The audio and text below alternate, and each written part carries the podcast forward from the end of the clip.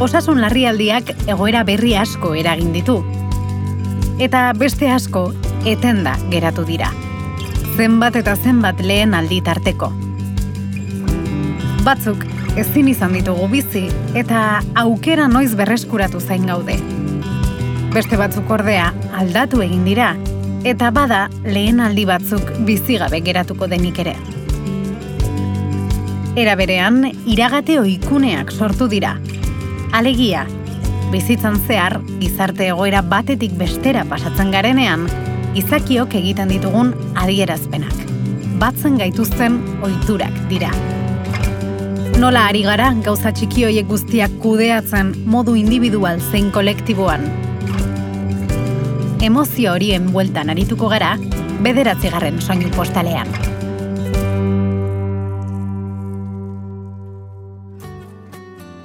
Paula Diaz, komunikazioko graduko ikaslea, Ander Alvarez, irrisarri proiektuko bultzatzailea, eta Lourdes Etxabe, igeldoko jubilatuen etxeko kidea. Ongi etorri. Eskerrik asko. Kaixo. Bueno, lehen aldiek elkartu gaituzte hemen, maiaren bueltan. Ez dakit irratiko solasaldi batean parte hartzen duzuen lehen aldia den?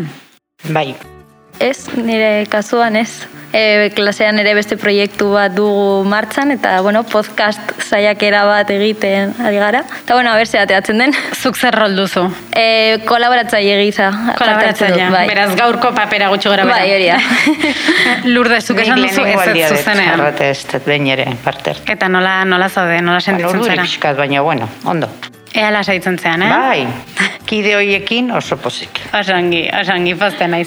Ander, zuk pentsatzen dut emango zenituela elkarrizketa bat edo beste emango bai, zenuela. azken lau bost hilabetetan danak, eta bai, baina tipo ontako lehenengoa da. Oinarteko dana proiektuan ingurukoak izan dira, eta olako lehenengo izango da. Bueno, pandemiak eh, lehen aldi txiki asko bizi arazi dizkigu, ezta?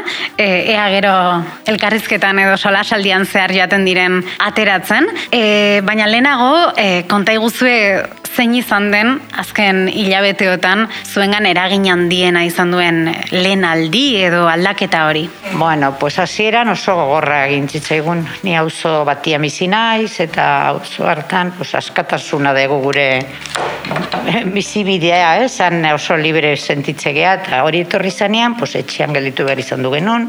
Adinekoak, bideoak ikusi gabe, elkartu gabe gurekin, eta bueno, oso larri, larri sentitu ginen. Pixkana, pixkana igea, hori menperatzen, baina alata guztiz ere, oraindik ere beldurra sumatzen denik. Gure elkarrek, gure adineko jendearen bildurra, beldurra. Egoera horrek adibidez, e, lehen aldiz bizituko genituen egoera asko bertan bera utzi zituen, Paula, hori da Bai, zure kasua. Hori izan zen nire kasua, e, Erasmuseko bidaia nuen, gainera nire hiru lagun minekin, unibertsitateko hiru lagun minekin, Holandara joateko bidean geunden, eta batean azterketak hasi baino bi aste lehenago, e, unibertsitateak e, bidali zuen mezu bat, gainera e, komunikazioko graduko ikasleok ez ginen izan lehenak e, informazio jakitea, e, DBS-eko beste ikasle batengatik entzun genuen, eta Beraz, zurrumurruak bat zebiltzan. Oia, oia.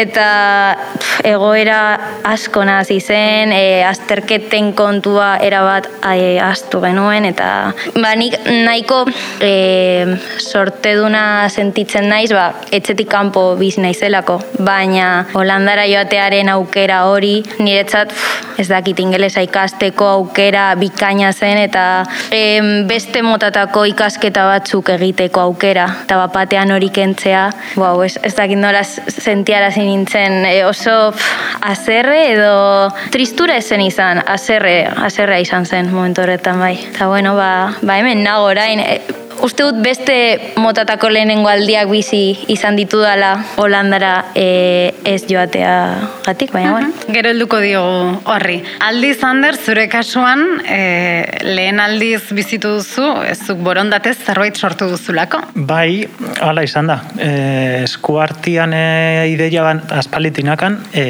alde batetik diseinatzailea naizelako, da beste alde batetik, ba, e, ez dakit. Ba, mendira da itxaso aldian eta desente nabilelako eta kutsadura desente ikusten nulako, ez? Eta e, aurrek urtean endaiara junginan bizitzera eta horrek ere e, nire egoera asko baldintzatu du, han egoera lasai xamarra izan da, beste modu batera bizi izan dugu, e, gero amengo lagunekin eta e, hitz egin da gero hortaz konturatu naiz, eta lasaitasun horrek, e, txian egoteko demora horrek niri, bueno, e, ideiei builtak emateko eta gauzak beste patxara batez hartzeko aukera eman dit. Bai. Konta iguzu pixka bate zer den edo zertan datzen zure proiektua? E, proiektuen izena irrizarri da, eta bere helburua da, e, taberna baten eramateko kafia eskatzen danean, e, orokorrian kartoizko edalontziak eskaintzen dizkigute, eta behin kafia hartutakoan, ba, bueno, e, ondakin bihurtzen dane, e, ondakin bihurtzen dane edalontzi bada.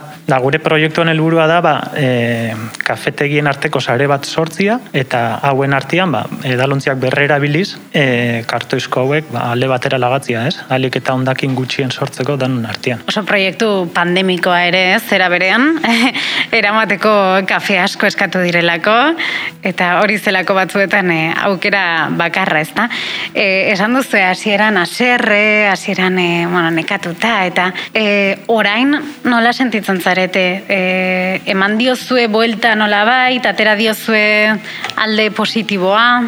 Bueno, buelta, buelta eman, ez dakit, baina e, bizitza bestera batean bizitze, e, edo interpretatzea gutxienez. E, nire pizukide batek e, askotan esaten digu e, askatasun hori ukatu digutela. Ta, pues nik batzutan ere, hori pentsatzen dut, joe, asko gustatuko litzaidake, baina ez, ez parrandan ibiltzea, baizik eta zakit, nik nire aizpa salamankan bizi da, eta pasaden asteburuan ikusi nuen duela e, zei hilabete edo. Eta kontu horiek, txikiak diren kontu horiek e, faltan botatzen ditut, ez parrandan joatea edo bida iluze bat egitea, baizik eta nire ondoan dauden pertsona horiek e, benetan ondoan sentitzea. Kuadriakoek agian ikusi ikustea laudio, laudiora joaten naizenean. Eta ez delinkuente bat sentitzea autobus bat hartzen dudan bitartean. Dudan, uste dut kontu horiek direla orain ez dakite triste edo jartzen didatena.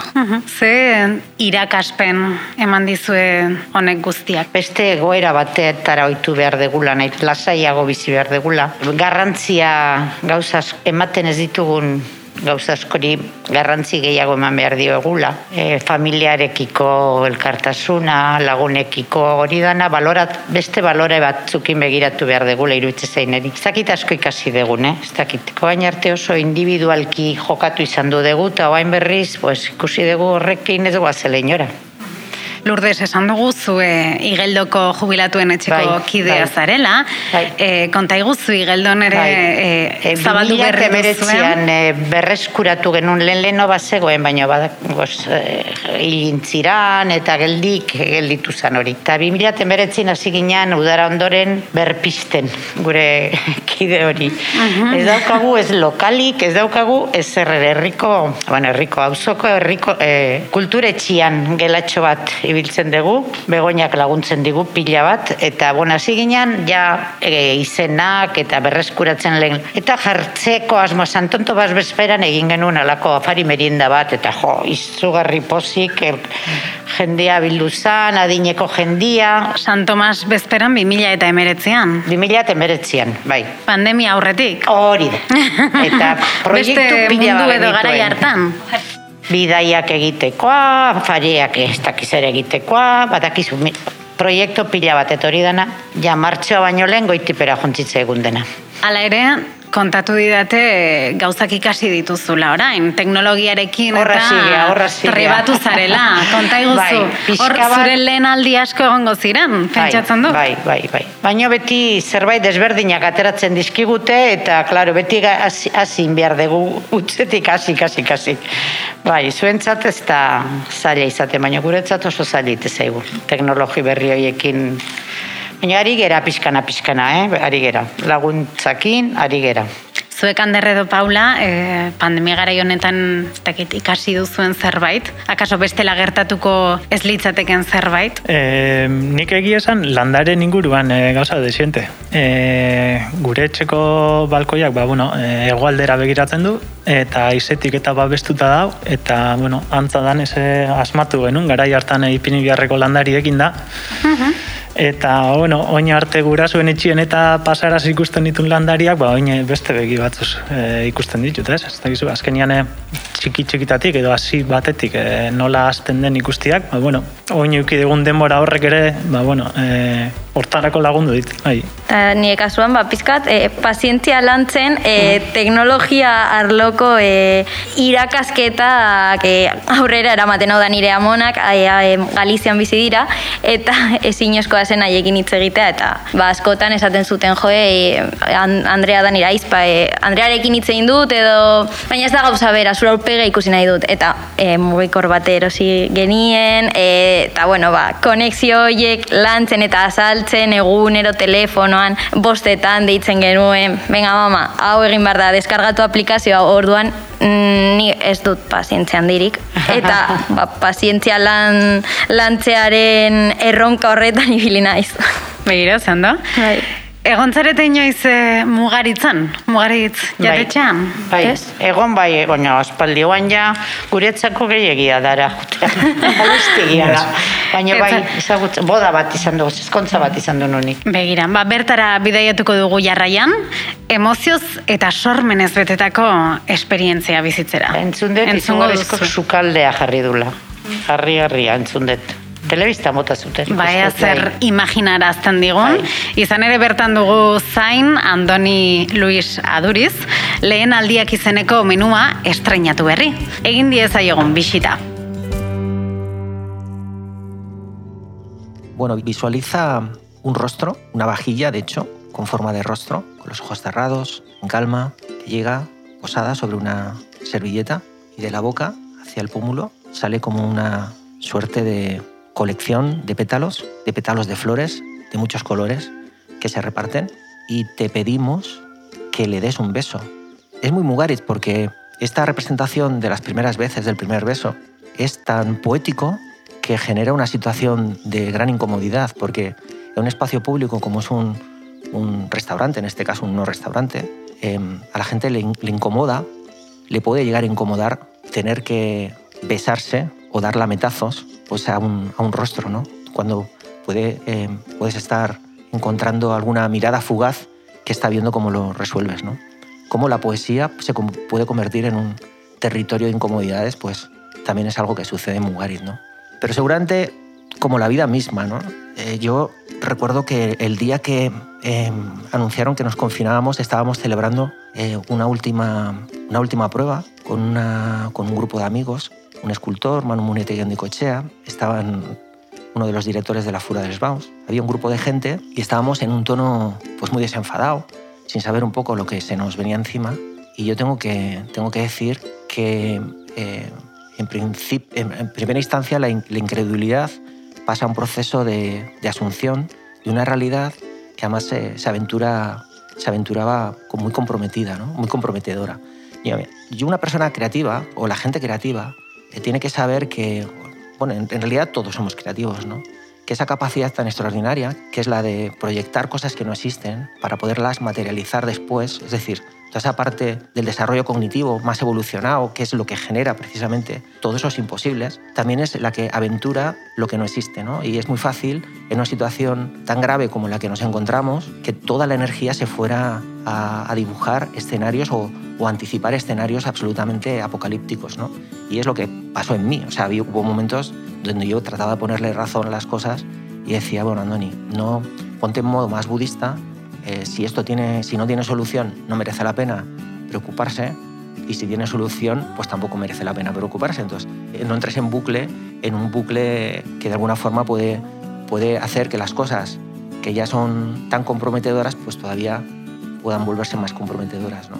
Todo hay que decir que en lo personal a mí me sucedió algo eh, pues bastante desgarrador para mí. Quizás lo que más daño me ha hecho. ¿no? Yo coincidió que mi madre, pues que ya tenía 90 eh, años, 91 años, estaba en una residencia, es una mujer que había perdido la, movilidad, que había, eh, bueno, llevaba muchos años que no tenía habla, pero tenía una cabeza privilegiada. Echando simplemente cuentas, hay que, darse, hay que saber que es una mujer que, que fue una niña de la guerra, que, que, ella llegó al mundo y con ocho años se enfrentó a todos los a todos los bueno a todas las tesituras que tiene un conflicto eh, se tuvo que ir de refugiada a Bilbao sin tener control sobre el, parte de su familia bueno gente que ha vivido esto se estaba encontrando en, un poco en el, la parte final de su vida en otra situación absolutamente comprometida. ¿no?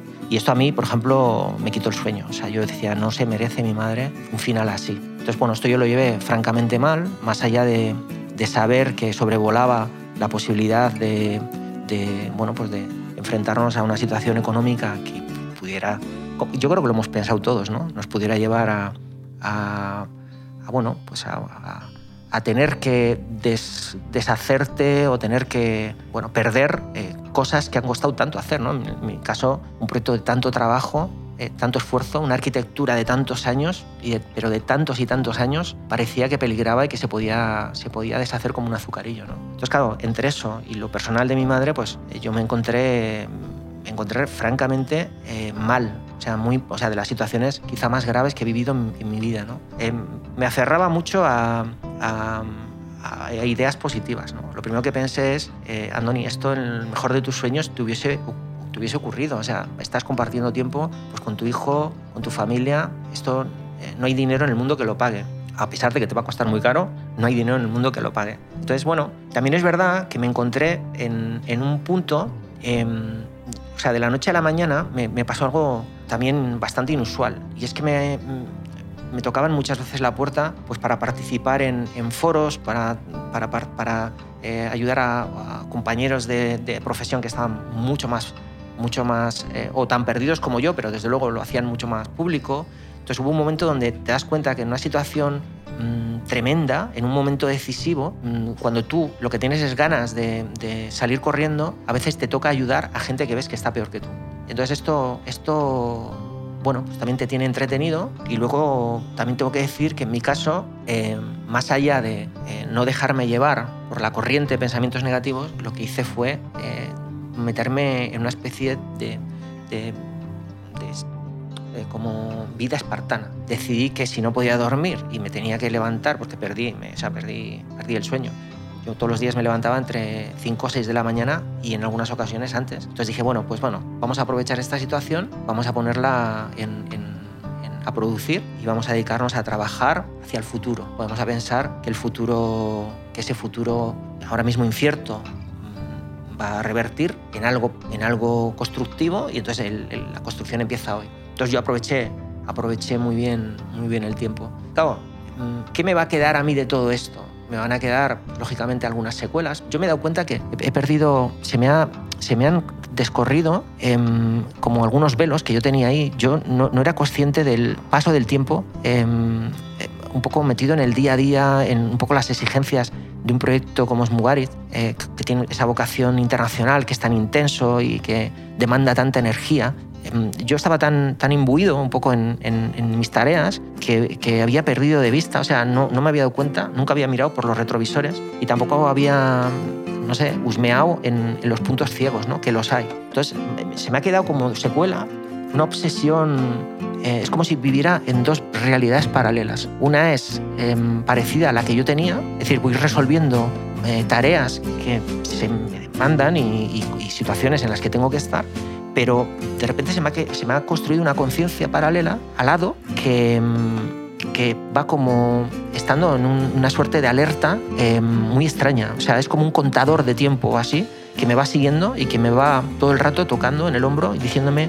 eh, ¿te estás dando cuenta de eh, que cada vez queda menos tiempo? Y esto no me había pasado nunca es, es, bastante, bastante curioso. Y después, cuando hemos podido abrir, pues lo que nos hemos dedicado es, una vez más, a, asumir ese rol de pequeño oasis que nunca dejaron de ser proyectos como este. Es decir, al final, la gente tiene sus vidas. Hay quien dice que la vida per se es conflictiva y lo que vamos, vamos eh, poco es buscando momentos que nos, que nos ayuden a, soñar distinto, ¿no? a buscar como espacios donde la gravedad pesa de forma o empuja de forma, de forma eh, que no es la forma habitual y bueno, lo que hemos tratado ha sido de dibujar el espacio ideal. Eh, siempre lo fuimos, pero si acaso aprovechando la energía que nos ha traído toda esta situación. Y digo energía porque yo creo que nos ha cambiado a nosotros, estamos encantados de recibir a la gente, más que antes si cabe, pero también hemos percibido como, como la gente eh, de una u otra forma ha recuperado una, unas ganas que en algún momento se debieron de perder por el camino. Em, la gente vuelve a, venir con, con, con, la ilusión de participar de una experiencia única, ¿no? que para muchos fue así, pero insisto, también participábamos de una realidad y era que había gente que venía a los restaurantes a examinar en vez de a, entregarse, ¿no? Entregarse algo que está diseñado simplemente para compartir y para hacerte ese momento más agradable. Bueno, la apuesta por las primeras veces eso es aparentemente obvia. Yo quiero, creo que tiene que ver con, con esto que estamos hablando, con, esto, con este reencuentro con cosas que habíamos, que habíamos perdido o pensábamos que nos habían, se habían quedado entre paréntesis, se habían quedado suspendidas. Pero en mi caso particular, como consecuencia también de esa vivencia, con un hijo de 11 años que de alguna forma yo le hacía un poco de, puente, de mediador con, sus, con algunas de sus experiencias y que las disfrutaba yo, si cabe, más que él, porque ante una primera vez él eh, se enfrenta a una cosa abstracta, en cambio yo eh, es como si estuviera lanzando una bola a un frontón y estaba esperando ver cómo rebota. ¿no? Nuestro juego de las primeras veces en realidad sería em, esa primera, segunda vez, em, a todos los efectos. Y, y bueno, creemos que ha sido un, un buen, un buen ejercicio. ¿no? Wow. Es que ricasco.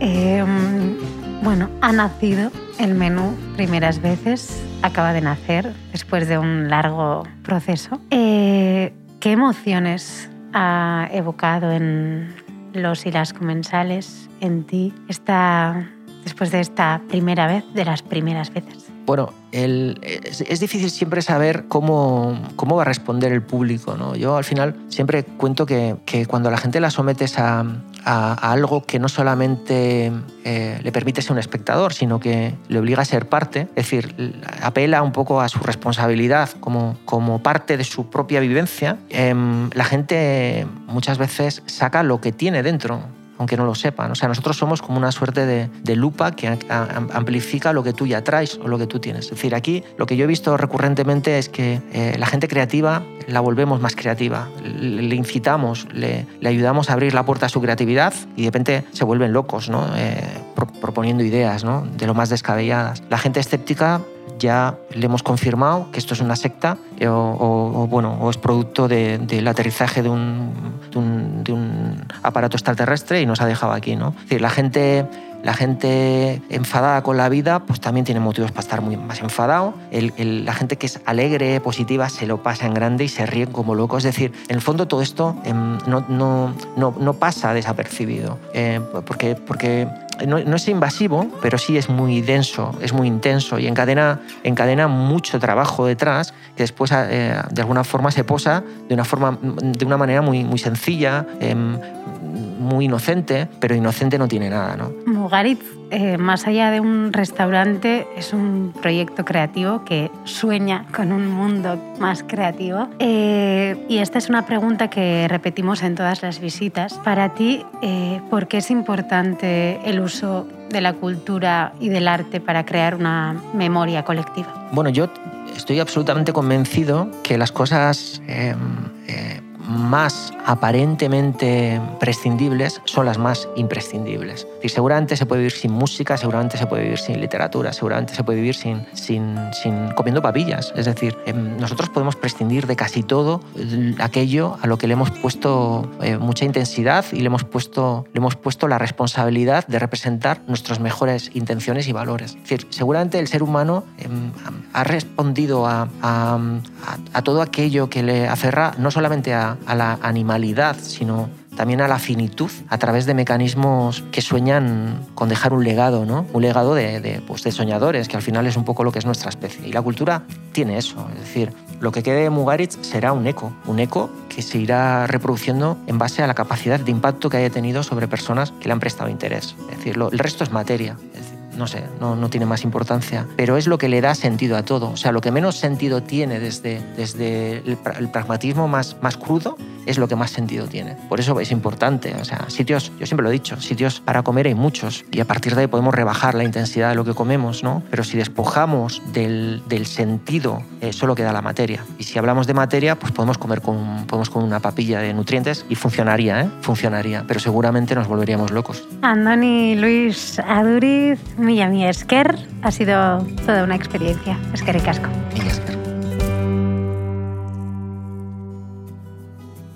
Bueltan gara, lehen aldiei buruzko solasaldian, Paula Díaz, Zander Alvarez eta Lourdes Etxaberekin.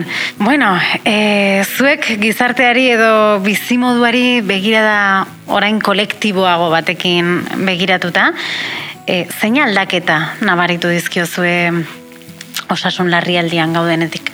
Nik e, urduritasun asko. E, edo zein lekutan e, urduritasuna antzematen da. E, edo zein gauzetarako, bai lan kontuak, osasun kontuak, e, erlazio pertsonala daudenian ere, ez dakit, e, nik nire burua lasaixia martza hartzen dut, baina e, ez dakit, edo zein lekutara juten esenian, e, lehen begira ematen ditena urduritasun maila hori da. E, bai inguruarekiko, baina baita ere e, espero dian gauzekiko, ez? E, gauzak izen berdia, alik eta azkarren, aldaketak alik eta onenak eta e, ikusgarrienak eta ez dakit, pazientzi falta hori, baina urduritasunakin. E, nik, ez dakit, hola, gauza hon asko ere, eh? baina nabarmenena e, urduritasuna da. Eta egoera honetan nolabait nabarmendu dela esango zenuke. E, nabarmendu eta indartu ere. Nik ikustetena da, elkar laguntza ere nik ustet e, pixka bat galdua genula, ez? Eta guain, pandemia honekin nik gure auzoa minipin ikusi deu jendea prezegoela bat elkarri laguntzeko, bat erosketak egiteko, botikak eramateko, ez dakit edo eto hitz egiteko ere baita. Nik uste hori leno oso oso utzia genula. Eta hortaz gainera egia da beldurra, oain, suma, ez dakit beldurra, kezka, ez dakit nola gaina ez ikusten da gaia beti berdina degola. Toki guzitara jun eta txertoa, bildurra, ez dakiz, eh? beti beti gai berdina. Eta adineko jendeakin, pues, pizka bat gehiago baita ere. Baina elkar laguntza hori nik uste, hori positiboki ikusten dut bultza dala oraingo pandemia hontan. Hiri handietan ez dakit nola funtzionatu du, baina gure auzoetan da hori bai. Eta batez ere gazteak prestatu dira hortarako. Bai. Nik hortan, antzeko sentzazio ukiet eh, lan kontuetan ere, eh? E, urduritasun hortaz aparte zuk izan da esone elkarlanerako gogo hori, Bai. eta guk zorion ez dakit, proiektuan lan komertzial askorik ez teguin. Da momentu hontan berro eta bost taberna daude sare barruan, eta hoietatik ba, amarretik sortzi edo haos haoskuan bitartez etorri dira. Ba, gustora zeon taberna batek ondokuari izan dio, edo bezero batek etxe ondoko tabernakuari izan dio. Eta askotan izan dira tabernari hoiek guregana etorri dianak, are, arek ezagutze zaitu eta proiektuan martxan ipini nahi dugu. Zuk esaten dezune elkarlan hori, Bai, edo bai, moduko bada, eta hori, hori donosti bertan asko gertatu da, baina lasarten ere, durangon, e, oin bilbon gertatzen ari dan gauza berdina da. E, aldaketa hori maila profesionalian ere ikusten da. Bai. Nik hori oso positiboa ikusten dut, Mhm. mm egoera Bai, honetan, bai. elkar laguntzeko prest. Baita baserri lanetan ere bai, pues, ya que pandemian, pues, bueno, aldan moduan, pues, lagundu, pues, nik hau dakat, zu bestia dakazu, pues, takit. Bere da, helduko diogu horri, elkar laguntze haren ideia horri. Baina, Paula, e, aipatu du Lourdesek e, batez ere gazteak e, izan direla, eta akaso atentzia eman digu, ez? Bai. Agian ez zenutelako espero, ez? Eta gazteak izan dira ere bai, oso kolektibo seinalatua, e, garai honetan zehar, zuk zer daukazu, horren inguruan esateko? Ba, bueno, e, nik e, pandemia guztia hasi zenean, e, gogoratzen dut, mm, bizi nintzen etxe bizitza horretan, e, zenbait gaztek elkartu ginela, e, ba hori, konprak eta hoiek egiteko, eta nik ez nituen ezagutzen goian bizi utzi ziren, ez dakit, e, amala urteko neska batek, baina bueno, ba, zare moduko bat zuko e, handerrek aipatu duena e, irizarri proiektuarekin, ba, zare hori asko eratu da zenbait mailatan, adibidez, guk ere klasean asko nabaritzen dugu positiboak egon dira, e, jendea gelditu etxean, eta apunten kontu hori pasaren, bueno, duela bi urte agian, zena, e, ez dakit, e, kompetitibitasun horregatik, Ja. edo, bueno, ba, nire apunteak dira. Gaur egun, uste dut dena kolektibizazio batea mugitzen dugula, dena draiben dugun, e, nik usten dizuzuk, e, e, asaltzen diazu hau, ez, ez zarelako klasean egon. Kontu hori ere asko aldatu da, eta gaina uste dut lan kalitatea eta harreman kalitatea asko betu dela horregatik. Hm. Horrek asko ematen duelako, ez? Hori pixka bat galdua zeon leno, eh? Bai. Nei iruitze ze binipin, beti bakoitza gure zenbat etxetan bizilagunak ezagutzen ez dira, Oh, ja. Eta guain nik uste honekin iriki, eta esan, bueno, zerbait behar dezu, ekarriko deu, ez dakiz erronek esan duena, Kontua da mantentzea, hori. Hori hori galdetuko nizuen uste duzue errotuko dela, hori? Errotu beharko luke. Beharko luke. Bai. bai, beharko luke. Bueno, nik uste gaztia pixka bat alde hortetik konturatu dirala, beraie bakarrik ezin dutela, eh? behar dela pixka bat eh, adin guzitakoakin eh, relazionatu edo Bai, bai.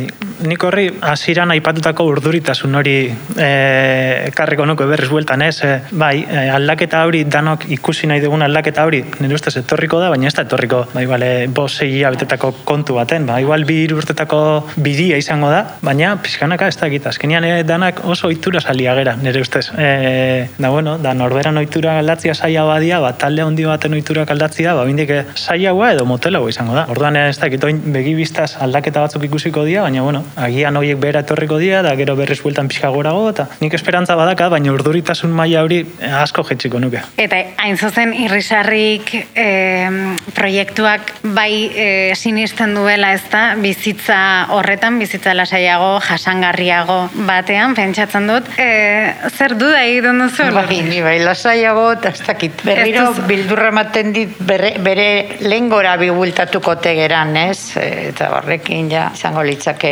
atzeraka da izugarria berriro. Baina, perantzeuki beharko du. Ni abiadura kontutan ez dakit zer esan. E, dinamika askar baten sartu bera, da hortik ataratzia, ni ez dakit, e, gai izango beran, edo nahi ote dugun, baina velozidade hortan gauzak nola egin, beste modu baten bilari dan jende asko dago. Eta modu ontako proiektuak eskertzen dituzten pertsona asko daude, eta horrek ere postasun handia ematen dizu. Ze, ba, bueno, e, kaletik pasian zabiltzala edo korrika baten, eta e, baten bat ikusten desunean proiektu bat, proiektuko taberna batetik edalontzi hori erabiltzen ateratzen dela, e, zentzu ematen dio proiektuari, ez dela moda bat, ez? Eta, bueno, ez dakit, abiadura kontua horregatik, eh, ez dakitela aldatuko ote dugu, baina egiteko moduak, ba, nire ustez, e, aldatzeko joera hori sartu da, aber, e, nora jute geran modu berri honekin, baina Ez dakit aurrera jo beharra dakau.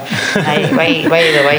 Zuek e, ohitura duzue zuen ingurukoekin eta zuen emozio ez hitz egiteko, edo egoeraren inguruan hitz egiteko, orain ari garen bezala, ez? E, nola ikusten dugu ingurua, nola ikusten ditugun ingurukoak? Egoerari buruz bai. Bai, egunero, Eh, egunerokotasunean sartuta dago. albistegietan esaten duten hori Ez, baina, guztia. bueno, batzuk egitu iten ditugu, bestea gutxitu, pos horri biltzegean asketa egiten. Baina gure sentimentuak nik uste eh, oso jende gutxiri azaltzen dizkiogula. Iruitze zaite. Gure adine eta minipin bai, iruitze zaite, ez dakitzue gazteak. Jo, ba, nik unibertsitatean asko nabaritu dut, e, ez bakarrik ikaslen artean, bizik eta irakaslen artean e, atentzio handia dagoela jarrita nola sentitzen garen egoera honetan. E, ba, askotan, erreflexio batzuk egiten ditugu klasean eta gelditzen dira, jo, eman dut orain etika eta gure irakaslea dago nahiko, ez dut, larrituta edo zenolako e, pentsatzeko joerak dugun e, harremanei buruz, e, gure etorkizun profesional horri buruz, nahiko ilunduta positiboa da dagoela. hori, ez? Iruitze zaite. Bai, bai, oso Lehen positiboa. eh, sekula egiten. ba, Baina Olin. komunikazio klaseetan normalean beti dagoela sola, solasaldi nahiko handia. Mota honetako gaiak aipatzen direnean, jo, denako gelditzen gara, como, bueno, bat, zer esango dugu, ez, ez, ez dakigu zer esan, ez dakigu zer pentsatu, no, nola sentitu. Maituko dugu orain gradua eta kalera terako gara, eta denek esaten dute egoera ez dela egokia, egoera zaila dela, baina guk amaituko dugu, beraz, ez dakit, nahiko mm, beldurtuta gaude edo nahiko... Keskatuta. Eh, bai, nahi ditugu como zerbait jakiteaz. Orain bertan zaude galdera ikur erraldoi batean. Claro, claro. Bai, pandemia garaian eta gainera eh, gradua bukatu bukatzear zaude. Uste dut iaia nire klase osoa master bat egingo duela eta nik, nik ez da kasualitatea ez, kaso, ez, ez, da kasualitatea. zergatik ez, pues master bat egingo dut, urte bat e, lusatuko dut nire ikasketak eta bueno, agian urte horretan egoera hobetzen bada, pues ja gero aterako naiz mundu, nagusien mundu horretara. Baina... Ke guk ere ez dakigu nola zuei zea holku eman, eh? Porque egoera hau hain desberdina da, ja. Bai. Bukatzeko, eh, errepara diezaiogun eh, zein onura egiten digun guri egite, egiten dion komunitateari, gure inguruari, emozio ez hitz egiteak. Zuk aipatu duzu lurdes eh, ez duzuela asko hitz egiten jubilatuen etxean, eta akaso hori onuragarria izan zitekean, ezta? Asko kostatzen zaigu nahi iruitze zait esatea ze nola pentsatzen dugu ez dakit hori individualki hartuta jart, eh, zaila iten da.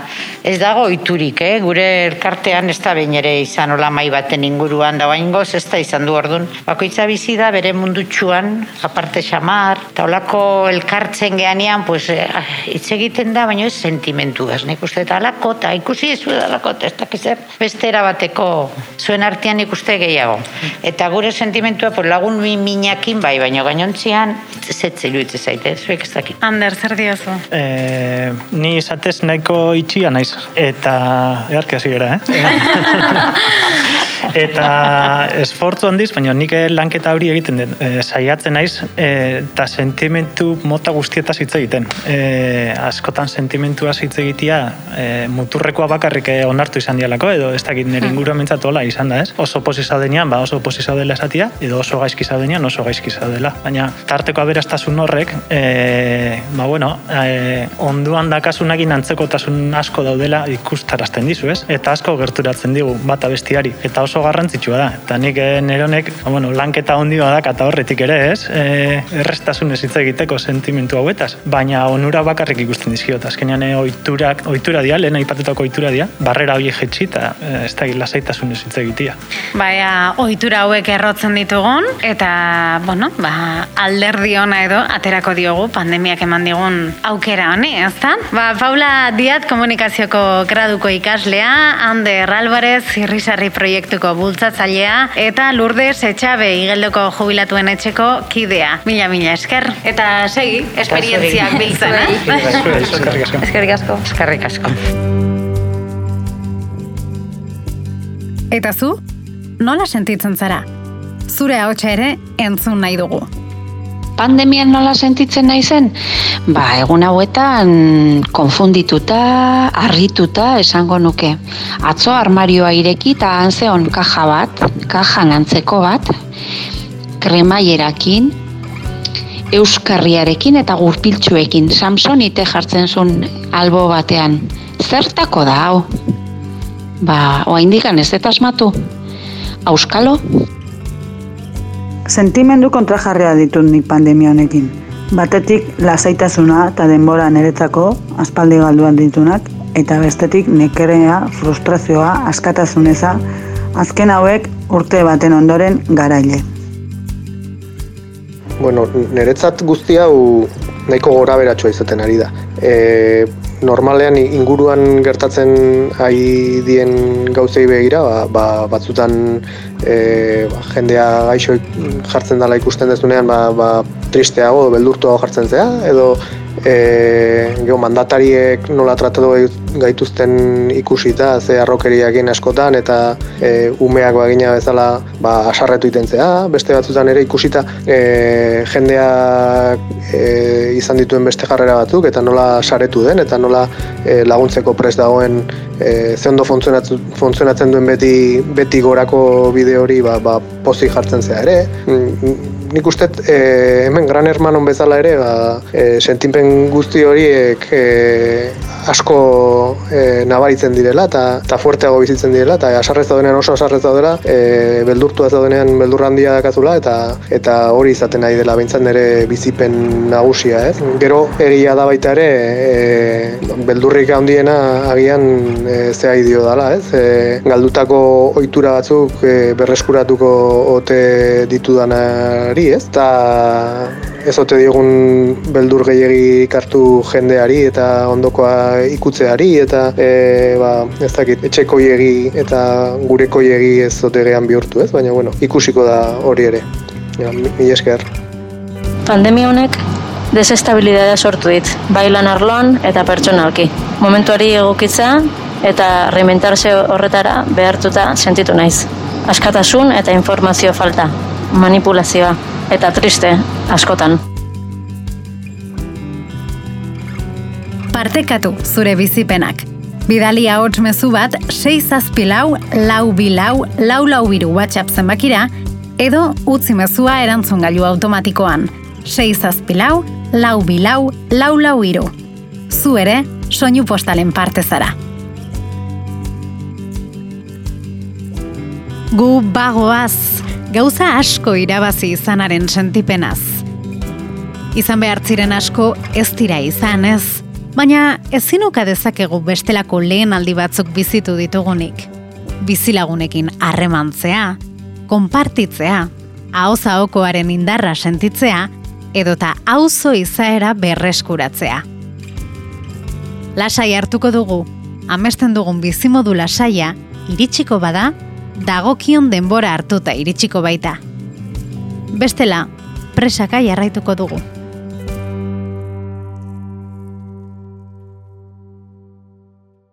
Soinu postalak, postalak 2000 eta hogei proiektuaren parte da. Donostiako udalak bultzatuta, Donostia lagunkoia, osasun sustapena eta herri partaidetzaren bitartez. Emaus Fundazioa, Tabakalera, Gipuzkoako itxaropen telefonoa, Kutsa Solidarioa eta Donostia Kultura Irratiarekin batera. Atalonen podcasta edo besteren bat online entzuteko, proiektuaren webgunea bisita dezakezu. 2000 eta hogei postalak.eus. Eta astelen eta ostegunero, goizeko amarretan, deka irratian. Laster arte.